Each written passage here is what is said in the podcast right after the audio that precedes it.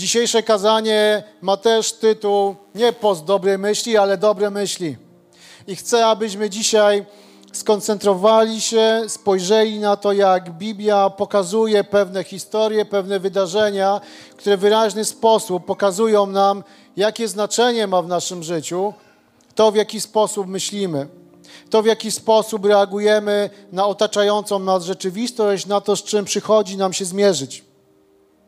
I kiedy zajrzymy sobie do dzieł apostolskich, dzieje apostolskie kończą się w ten sposób, że apostoł Paweł odbywa swoją ostatnią podróż. Tym razem podróż nie aby głosić stricte Ewangelię, ale podróż do więzienia, do Rzymu.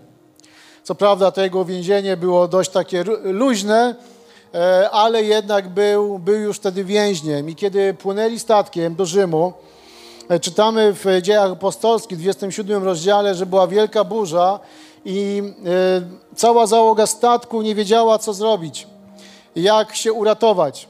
E, I rzeczywiście groziło im rozbicie. Na statku było 276 osób, e, większość to byli więźniowie. Statkowi groziło rozbicie. I oczywiście tak się ta historia kończy. Statek się w końcu rozbił na wyspie Malta, ale nikt nie zginął. I w pewnej sytuacji, w pewnym momencie, kiedy było już bardzo źle, kiedy było już bardzo źle, apostoł Paweł mówi, do, do ludzi, do, do sterników, do, do załogi, bądźcie dobrej myśli. Nikt z was nie zginie. To dzieje apostolskie, 27 rozdział. Mówi do nich, bądźcie dobrej myśli, nikt z was nie zginie, przepadnie tylko statek. Bądźcie dobrej myśli. Fajnie, łatwo być dobrej myśli, kiedy jest gładka woda i wszystko przebiega zgodnie z naszym planem, najchętniej z naszym planem. Ale co w sytuacji, kiedy jest wielka burza? Apostoł Paweł mówi, bądźcie dobrej myśli. W kolejnych wersetach apostoł Paweł mówi, bo stanął obok mnie dzisiaj anioł i powiedział mi, że nikt nie zginie. Ale wszyscy musimy zostać na tym statku i być dobrej myśli, bo nic się nam nie stanie. I rzeczywiście tak się wydarzyło. Więc chcę mówić o tym, aby być dobrej myśli. Dlatego, że potrzebujemy każdego dnia być dobrej myśli. Nawet wtedy, kiedy za bardzo nie ma sposobności, nie ma, nie ma wydarzeń, nie ma okoliczności, które pozwalałyby nam dobrze myśleć. I w dodatku myśleć tak, jak podpowiada nam Bóg, tak jak On chce Ci podpowiadać, tak jak On mówi do Ciebie.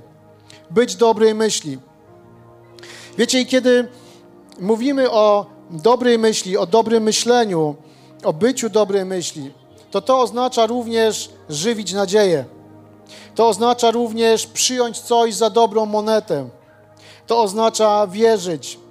To oznacza dawać czemuś wiarę. To oznacza pokładać w czymś ufność. To oznacza dowierzać, mieć nadzieję, ufać. To są dobre myśli. Wierzyć, mieć nadzieję, ufać, pokładać nadzieję, brać za dobrą monetę. To oznacza mieć dobre myśli. A my możemy mieć dobre myśli. Dlatego, że dawcą dobrych myśli, właściwego myślenia w Twoim sercu, w Twojej głowie jest Bóg.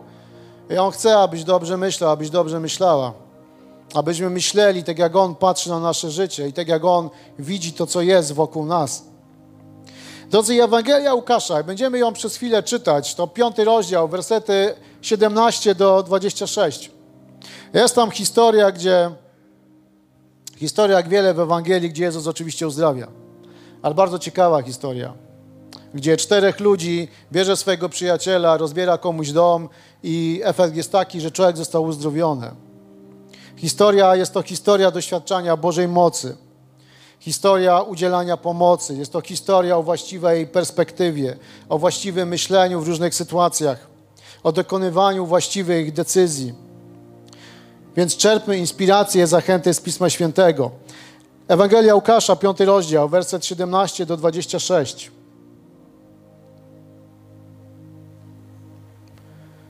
Słuchajcie, tak intensywnie puściłem przez cały tydzień, że trochę gorzej widzę. Ale może to po to, żebym bardziej Pana słuchał, a nie czytał dziwne rzeczy. Dziękuję za lepsze światło. Więc Ewangelia Łukasza, piąty rozdział, wersety od 17 do 26. Przeczytajmy ten fragment Pisma Świętego i za chwilę rozważajmy go. I czytamy, pewnego dnia, gdy nauczał, wśród słuchaczy siedzieli również faryzeusze i nauczyciele prawa, którzy zeszli się ze wszystkich wiosek Galilei i Judei oraz Jerozolimy, a była w nim moc Pana, dzięki której uzdrawiał. W Jezusie była moc Pana, dzięki której uzdrawiał. I wtedy jacyś ludzie przynieśli na posłaniu sparaliżowanego, chcieli go wnieść do środka i położyć przed Jezusem. Jednak ze względu na tłum nie mogli znaleźć sposobu, by się do niego przedostać. Dlatego weszli na płaski dach, zdjęli część stropu i przez otwór spuścili posłanie z chorym prosto przed Jezusa. Gdy Jezus zobaczył ich wiarę, powiedział: Człowieku, przebaczone są ci Twoje grzechy. Wtedy znawcy prawa oraz faryzeusze zaczęli się zastanawiać, kto to jest. On obraża Boga. Kto, jeśli nie sam Bóg, może przebaczać grzechy? Jezus przejrzał ich myśli i powiedział do nich: Nad czym się tak zastanawiacie? Co jest łatwiejsze powiedzieć: Przebaczone są ci grzechy, czy wstań i zacznij chodzić? Wiedzcie jednak, że syn człowieczy na ziemi ma na ziemi władzę i przebaczania grzechów. I tu polecił sparaliżowanemu: Wstań, złóż posłanie, możesz iść do domu. I chory natychmiast wstał i widzieli to wszyscy. Podniósł to, na czym leżał i chwaląc Boga, odszedł do swojego domu. Wtedy wszyscy wpadli w uniesienie, zaczęli chwalić Boga i, przejęli lęk, i przejęci lękiem mówić: Dziś zobaczyliśmy coś, co wykracza poza ludzkie pojęcie.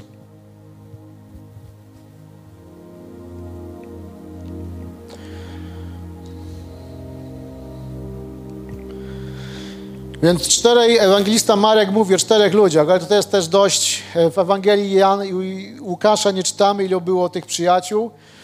Marek pisze o czterech ludziach, jest to dość oczywiste. Kiedy nieśli łoże, nosza z chorym człowiekiem, prawdopodobnie musiało być ich czterech. Ale czterech mężczyzn, to jest przyjaciół, przynosi, przyszli z chorym. Przyszli z chorym do Jezusa, o którym słyszeli. Przyszli z chorym i jest pewien problem. Przynieśli go. Musieli mieć jakiś poziom wiary, albo musieli żywić jakąś nadzieję, mieć jakąś dobrą myśl. Przyjdziemy tam, bo tam jest Jezus i uzdrowi naszego przyjaciela. Albo przynajmniej mamy taką nadzieję, że tak się stanie. Więc przyszli. Przyszli, ale było tak dużo ludzi, że nie mogli tam wejść.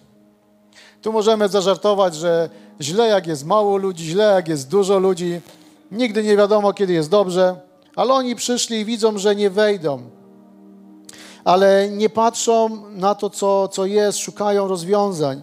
Czytamy, że oni szukali rozwiązań. Wiecie, pierwsza myśl, jaka z tego płynie, nie patrz na to, co jest, na jakie są trudności, co ci dolega, czego ci brakuje, ale szukaj rozwiązań. Oni je szukali, więc znaleźli te rozwiązanie.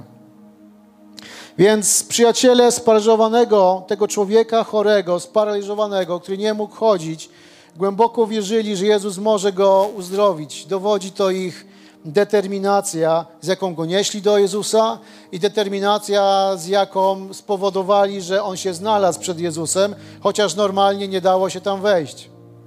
Determinacja. Wiecie, to, czego jako ludzie, jako osoby, jako społeczności, jako Kościół potrzebujemy, my potrzebujemy również mieć tą pewność i determinację że Chrystus może działać w moim życiu, że Chrystus może zadziałać w Twoim życiu, że On może zadziałać w życiu Twoich bliskich, że On może zadziałać w Twojej społeczności, w Twoim miejscu, gdzie się znajdujesz, że On może zadziałać. A druga rzecz pokazuje, że oprócz tego, że mieli determinację, że należy wykorzystać każdą okazję, aby to się mogło wydarzyć. Wykorzystać każdą okazję. Oni przecież mogli wziąć przyjaciela i powiedzieć: Przyjdziemy jutro, albo pójdziemy do sąsiedniej miejscowości, bo na pewno Jezus tam jutro będzie. Dlatego, że Jezus zawsze gdzieś był i zawsze kogoś uzdrawiał.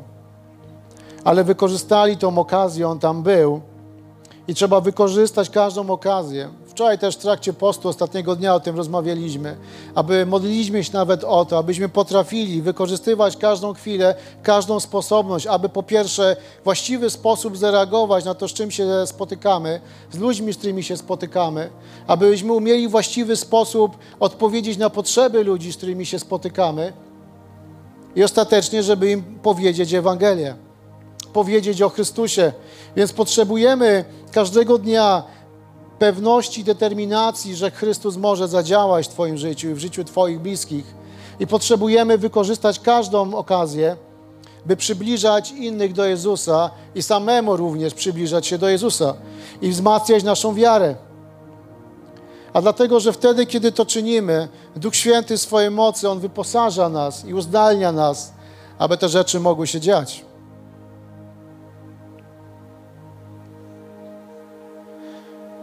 To, na co warto zwrócić uwagę w tej historii, to to, że nie wiara tego sparaliżowanego spowodowała, że Jezus go zdrowił, ale wiara jego czterech przyjaciół, tych ludzi. On praktycznie nie, niewiele miał, no, nic mi nie miał do powiedzenia. Wzięli go i z nim poszli. Zwróćmy uwagę, że to właśnie wiara, nieustępliwość grona przyjaciół poskutkowały zbawieniem i uzdrowieniem tego człowieka. Wiara, nieustępliwość. Duch Święty może powodować to w Twoim życiu, że z łatwością będziesz miał wiarę i będziesz charakteryzował się pewnym rodzajem nieustępliwości, bo nie musimy tego z własnej siły robić, jakoś się starać, wykonać jakieś czynności, aby mieć wiarę, wykonać jakieś czynności religijne, inne, aby być nieustępliwym, ale to właśnie Duch Święty będzie to powodował. Wydarzenie to pokazuje, że Bóg działa przez wiarę i upór i dążenie osób trzecich, aby zbawić innych ludzi, aby dotknąć innych ludzi. Więc Bóg działa, to działa. Nasza nieustępliwość, nasza wiara, nasza chęć, nasza właściwa myśl, pozytywna myśl, to działa. I bo w tej sytuacji to zdecydowanie zadziałało. Człowiek został uzdrowiony, dlatego że Bóg przyznaje się do naszych czynów i do naszej wiary. I to, że wszystko, co robimy, ma znaczenie. Więc postanowili oni, tych czterech mężczyzn, postanowiło przynieść swojego kolegę i pokonali przeciwności. Pokonali, przynieśli go, prawdopodobnie był upał, potem spotkali się z sytuacją, że było za dużo ludzi, więc weszli na dach. Wszystko ma znaczenie, co robimy. Ma znaczenie to, że oni pomyśleli, że może weźmiemy go i spotkamy Jezusa. Znaczenie miało to, że wzięli jakieś łóżko, jakieś nosza i go zanieśli. Znaczenie miało to, że się nie poddali, że zaczęli rozbierać dach w domu, w którym Jezus y, zgromadzony z wieloma osobami. Sabotaż jakiś? Mogę mówić dalej. Dzięki. Więc drodzy, chcę zwrócić uwagę na to, że wszystko ma znaczenie, co robimy. Ma znaczenie to, że dzisiaj przyszliście, przyszliśmy do tego miejsca. To ma znaczenie. Możesz powiedzieć niedziela jak niedziela. Zawsze jestem. Ciesz się, że jesteś zawsze, to bardzo dobrze. Ale to ma znaczenie, że przyszedłeś. Dzisiaj uwielbiamy Boga, ale to może mieć jakieś głębsze znaczenie tego, co się wydarzy w Twoim życiu lub w życiu Twoich bliskich. To, że jesteś w kościele, ma znaczenie. Twoja hojność ma znaczenie. Twoje zaangażowanie ma znaczenie. To, czy, czy ci się dzisiaj chce coś zrobić, to ma znaczenie. Jak również to, kiedy ci się nie chce czegoś zrobić, to też ma znaczenie. Wtedy prawdopodobnie ma to negatywny wydźwięk, negatywne znaczenie. Więc słuchajcie, czterech zdrowych przyniosło jednego chorego. Czterech, których wierzyło, przyniosło jednego człowieka. I rozebrali komuś dach. Chciałbym się na tym na chwilę zastanowić. To znaczy, ja się już zastanowiłem i pozwólcie, że Wam o tym opowiem. Darek, widzę, akceptuje. Czterech zdrowych przyniosło jednego chorego. Rozebrali komuś dach. Wiecie, domy w tamtym, w tamtym czasie i w tamtym miejscu były tak zbudowane, że każdy na dachu miał taki jakby balkon, na którym odpoczywali. To jest ciekawe. Bo to nie był dach jakiś, który mogli cały podnieść, a potem z powrotem założyć.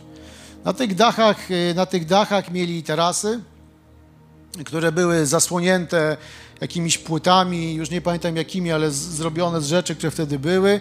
I, na, I, te płyty były przykryte grubą warstwą gliny, tak żeby kiedy będzie padało, żeby nie przeciekało do, do wnętrza. I teraz dlaczego o tym mówię? Dlatego, że oni przyszli, Musieli tą glinę zerwać, Więc naprawdę dokonali szkód. Naprawdę dokonali szkód. Te płyty może potem, kiedy ten człowiek wyszedł uzdrowiony i poszedł wielbić Boga, może byli na tyle uprzejmi, że wrócili na ten dach i położyli te płyty z powrotem. Ale co z tą gliną? No chyba tak szybko nie poszło. W dodatku prawdopodobnie dom należał do Piotra, do apostoła Piotra. Więc Piotr miał, niezłe doświadczenia. Ale słuchajcie, rozebrali komuś dach. Przerwali spotkanie.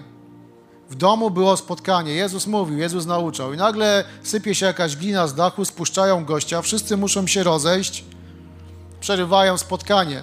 To bardzo niegrzeczne. Ciekawe, gdyby ktoś teraz przerwał spotkanie.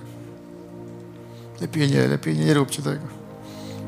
Rozebrali dach, przerwali spotkanie i spuszczają tego człowieka z góry prosto przed Jezusa. Spuszczają go. Jeszcze raz powiem. To ma znaczenie, co myślisz. To ma znaczenie, jak się zachowujesz. To ma znaczenie, czy poddajesz się wyzwaniom, czy po prostu z Bożą siłą, z Bożą pomocą pokonujesz je. To ma znaczenie. A największe znaczenie ma to, czy idziesz do przodu, czy się wycofujesz. Możesz powiedzieć, ale ja się zatrzymałem, stoję w miejscu. Prawda jest taka, że wszystko idzie do przodu, więc jak stoisz w miejscu, to, to raczej nic się tam dobrego nie spotka. Ma znaczenie, co myślisz, jak się zachowujesz i czy idziesz do przodu, czy poddajesz się wyzwaniom, czy stajesz, pokonujesz je. Przyszli, był tłum, nie tak miało być.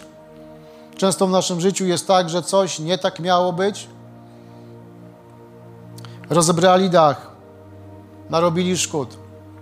Do czego zmierzam? Dlatego, że kiedy czytamy Ewangelię, ja tak przynajmniej mam, chociaż ostatnio chyba Pan otwiera mi oczy na pewne, pewne ważne, istotne rzeczy. Tak jest, czytasz Biblię 10 lat, w 11 roku zauważasz coś nowego, więc warto ją czytać. 11-12 rok. Albo zacząć od dzisiaj. Więc warto zwróćmy uwagę na to, że kiedy czytamy, to te wszystkie historie, one są wspaniałe. Rozdział wcześniej Jezus też kogoś uzdrawiał, y, z uzdrowił. Jezus tu kogoś uzdrowił, tam coś dobrego zrobił i czytamy. I kiedy czytasz to, możesz być podekscytowany tym. Twoja wiara będzie rosła, powinna rosnąć. Budujesz, czy, czytamy to, ale nie zwracamy uwagi na to, co się dzieje wokół tych historii. Co się wydarzyło wokół tego, że Jezus uzdrowił, przebaczył grzechy i uzdrowił sparaliżowanego. Także ten wstał i poszedł. I ci, którzy tam byli, faryzeusze i inni, zaczęli mieć z tym problem. Ale co się stało? No właśnie, rozebrali dach. Rozebrali dach, czyli ktoś poniósł jakąś stratę. Ktoś musiał z czegoś zrezygnować. Komuś zrobiono okno w dachu. Piotrowi. Ktoś był zdeterminowany. Ktoś coś zrobił. Wiecie, my częst, czasem, może często, chcemy, aby wszystko było od tak. Tak się po prostu wydarzyło. Że my się pomodlimy i właściwie to czemu jeszcze coś się nie wydarzyło. Cudownie by tak było. Z jakiegoś powodu tak nie jest. Myślę, że powód jest taki, że Bóg doskonale zna nasze serca, jak myślimy jako ludzie. Stworzył nas, więc wie. Ale żeby coś mogło się wydarzyć, to ktoś coś musi zrobić. Ktoś gdzieś musi być. Ktoś musi wierzyć. Ktoś musi powiedzieć: Boże, dodaj mi sił, dodaj mi wiary. Dodaj mi sił, abym pokonał tą i tą sytuację. Ktoś musi może pogodzić się z Bogiem, może go przyjąć do swojego serca. Ktoś może musi krytycznie spojrzeć na siebie, stanąć przed lustrem i powiedzieć: Boże, dobrze, przyjmuję Twoje pouczenie, przyjmuję Twoje napomnienie. Chcę, abyś mi pomógł, abym poszedł za tym, co do mnie mówisz. Ktoś coś musi zrobić. Jezus uzdrawiał, ale sytuacje, które były, to ludzie po prostu przychodzili do Jezusa i pokonywali jakieś trudności. Jeżeli chcesz doświadczyć Bożej mocy, Jego obecności, to Ty musisz zrobić krok, my musimy zrobić krok. Inaczej Bóg nie będzie działał w naszym życiu. Najgorzej jest się poddać, pokonać i jeszcze szukać winnych swojej trudnej sytuacji. Nie szukaj winnych, szukaj Boga. Myślę, że pewną cechą, może nawet plagą naszych czasów jest to, że nie podejmujemy wyzwania. Że społeczeństwo generalnie rzadko podejmuje wyzwania. Nie podejmujemy wyzwania. Brakuje nam determinacji. Zdarza nam się popadać w jakiś fatalizm i poddajemy się temu, i wtedy właśnie szukamy najczęściej winnych tego, co się dzieje. Czasem myślimy jak ludzie pozbawieni wiary, jak, brakuje, jak, jak ludzie, którym brakuje wiary. A przecież możesz wołać do Boga, a on ci doda wiary. Poddajemy się. Zbyt często koncentrujemy się na negatywnych rzeczach i rezygnujemy. A my potrzebujemy wzmacniać się w Bogu. Biblia wiele ma wersetów, które mówią, że ktoś wzmocnił się w Bogu, albo umacniajcie się w Panu. Potrzebujemy wzmocnić się Bogu, potrzebujemy poddać nasze myśli i działania temu, który darzy pokojem. Kiedy jestem w trudnej sytuacji, potrzebuję poddać się tego, który darzy mnie pokojem. Niech On mnie wyposaża. Kiedy mam myśli przepełnione albo choć częściowo wypełnione jakimś brakiem wiary, jakimś negatywnym myśleniem, to wtedy powinieneś już zacząć się modlić, powiedzieć: Boże, zabierz mi to. Zabierz mi to. Nie chcę w ten sposób myśleć. Chcę właściwy sposób reagować. Chcę mieć właściwe, właściwe zachowania. Chcę właściwie czynić. Chcę być Tobie poddany. Chcę Tobie służyć. Nawet wtedy, kiedy naprawdę mi się nie chce. Chcę być tam, gdzie Ty chcesz, abym był w danym momencie. Pewna historia z Mołdawii.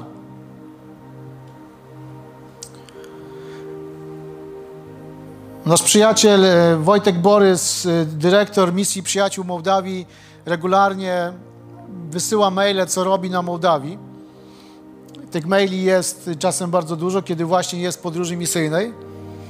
E, I ostatnio też wysłał jednego maila, mówi, że kończę już pomału swoją tą kolejną podróż do Mołdawii. Opisuje, że jest tam w jakimś kościele i opisuje, jak się cieszy, jak lubi mówić do tych ludzi. Mówi, no ale jest E, jest, jest, jest pusto. E, jest, jest wyraźnie pusto, że kościoły pustoszeją. Rzeczywiście po zdjęcia patrzę, a tam rzeczywiście parę osób. Parę osób siedzi w tym kościele, krzeseł bardzo dużo. Mówię, no nie pasuje mi to do tej Mołdawii. Ale Wojtek pisze, że kościoły pustoszeją, dlatego że bardzo dużo ludzi, bardzo dużo wierzących w czasie wakacji opuszcza zgromadzenia i jedzie w miejsca, gdzie do Mołdawii, gdzie nie ma żadnych kościołów, żadnych społeczności, aby w weekendy głosić tam Ewangelię. I dlatego te kościoły są puste. I pisze, I pisze, że we wrześniu wracają, wszyscy bardzo mocno opaleni i wtedy cieszą się ze sobą, e, składają świadectwa. Wiecie, właściwe spojrzenie. No, kto im dał taką myśl, żeby pojechać? No, pojawiła się taka myśl. Pojawiła się z pragnienia głoszenia Ewangelii, z miłości do Boga, e, z gotowości do jakiegoś poświęcenia, do, do, do zrobienia jakiegoś bałaganu w społeczności, tak jak u Jezusa, ci goście, którzy spuścili chorego e, z dachu, ale pustoszeją, bo ludzie wyjeżdżają. Wiecie, muszę się wam do czegoś przyznać. Kiedy czytałem tego maila, Mówię, no trzeba go otworzyć, przeczytać, więc czytam e, i pisze tam Wojtek, że kościoły pustoszeją. Patrzę na te zdjęcia, no rzeczywiście pusto. Wybaczcie mi, ale pierwsze co pomyślałem, no tak, biedny kraj, jadą do pracy, wakacje. No, szkoda, że nie przeczytałem od razu kolejnego zdania, bo wtedy nie musiałbym się wstydzić. Ale mówię tak, i czytam dalej, no bo wyjeżdżają i to, co wam powiedziałem. Mówię, myśli, są nasze myśli. Oczywiście ta myśl była niegroźna. Szybko ją skorygowałem. Ale tak jest, potrzebujemy pozytywnie myśleć. Potrzebujemy mieć właściwe reakcje, właściwych zachowań. Nieraz, czasem, może nie raz zachowań, które może coś będą nas kosztowały, ale w ostateczności komuś otworzą drogę do Chrystusa. Tobie otworzą drogę do Chrystusa. Tobie otworzą drogę do powołania, do, do różnych rzeczy, które Bóg chce dać do Twojego życia. Potrzebujemy tego. I więc czytamy dalej w wersetach 21, 22, że Ci faryzeusze zastanawiali się, jak to jest, jakim prawem, jak to sobie ten Jezus wymyślił, że przebacza i mówi do tego człowieka, przebaczone są twoje grzechy. No bo przecież Bóg może tylko przebaczyć. No w sumie mieli rację. W sumie mieli rację. I tak nieraz wygląda nasze myślenie, to co dzieje się w naszym mózgu. E, rozdzielamy na czworo różne historie, różne wydarzenia, poddajemy wątpliwość mnóstwo rzeczy. Ale jak, ale dlaczego, ale po co, ale kto i tak dalej. Tak mieli faryzeusze, ale ich zostawmy. Nie będziemy dzisiaj ich tutaj w żaden sposób napiętnować. Więc oni zaczęli się zastanawiać, jest pewien mechanizm, my ciągle o czymś myślimy. I nie zawsze myślimy o tym, o czym Bóg myśli, i nie zawsze zachowujemy się tak, jak powinniśmy się zachować. Dlaczego? Dlatego, że nasz, nasz umysł to pole walki. Ja wczoraj też, kiedy dzieliliśmy się różnymi rzeczami na wieczorze, ostatnim wieczorze postu, to ja mówię, słuchajcie, ja tak mam nieraz, że nie wiem skąd nagle mam jakieś myśli. W ogóle nie wiadomo skąd, dlaczego, dlaczego w moich myślach pojawia się złość na kogoś, potem, potem patrzę na niego, tego, na tą osobę, nigdy nic mi złego nie zrobił, jakaś po prostu byle drobinka i już. No to zamiast najpierw mu pobłogosławić go, pomyśleć o nim pozytywnie, pomyśleć, fajny ten Bartek jednak jest, jednak, a nie coś tam mieć do niego. Nie, naprawdę lubimy się. Żyjemy w symbiozie, wstajemy rano, modlimy się. Pierwsze co robimy, ja modlę się o Bartka, Bartek o mnie i dajemy radę. Ale jeśli trzeba tak z kimś relacji, to tak zrób. Jak inaczej się nie da. Więc nasz umysł to pole walki. I właśnie niektóre nasze myśli wypływają z naszych własnych pragnień, z jakichś wyobrażeń, z jakichś fantazji, ale inne znowuż wywołane są otaczającym nas światem, złem tego świata, yy, mocami złego i kontrolują nasze myślenie, chcą przejąć nasze myślenie. Zróbcie sobie szybką analizę. Ile razy niepotrzebnie źle o czymś, o kimś lub o czymś myślimy? Ile razy e, nie robimy czegoś, bo nasz mózg myśli, nie chce mi się, albo nie zrobię tego, albo niech to zrobi Bartek. No i poszedł i otwiera kościół w czeladzi. Nasz umysł to pole walki i my potrzebujemy go kontrolować, poddawać go w posłuszeństwo, pod kontrolę Bogu i naprawdę prosić go o to. Wiecie, ile razy ja miałem modlitwę i mam, Boże, moje myśli. Poddaję je pod posłuszeństwo Tobie, w kontrolę Tobie. Boże, pomóż mi kochać tą osobę, pomóż mi kochać tą osobę, pomóż mi, naprawdę wielokrotnie tak się modliłem. Pomóż mi dobrze myśleć o tej osobie. No bo jak już nie potrafię ja sam, albo czasem nie chcę nawet, to wtedy modlę się, Boże, albo zmień to, albo mi pomóż.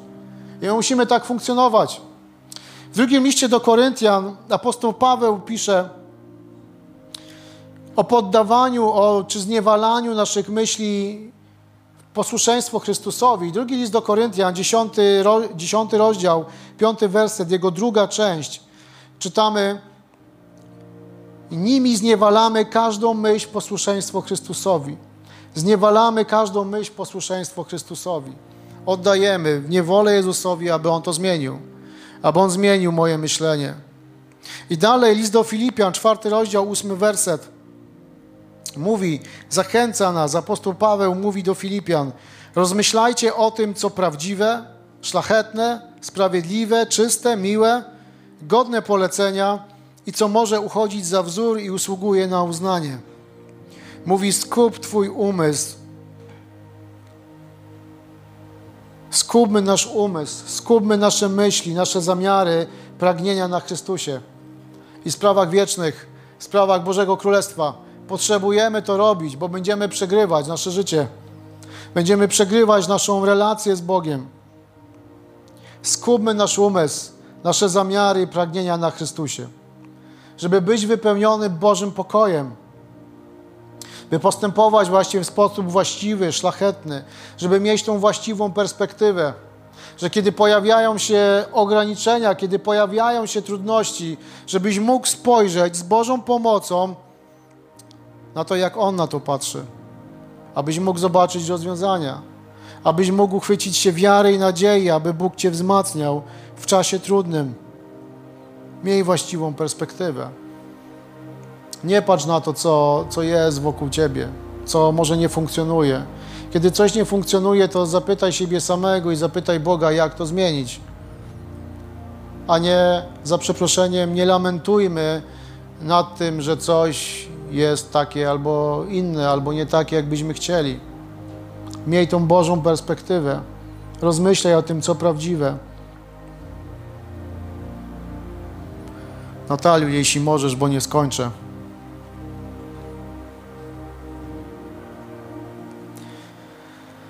I czytamy na początku tej historii, że w Jezusie była moc Pana, moc do, do uzdrawiania. Była w nim Boża moc, no to jest oczywiste.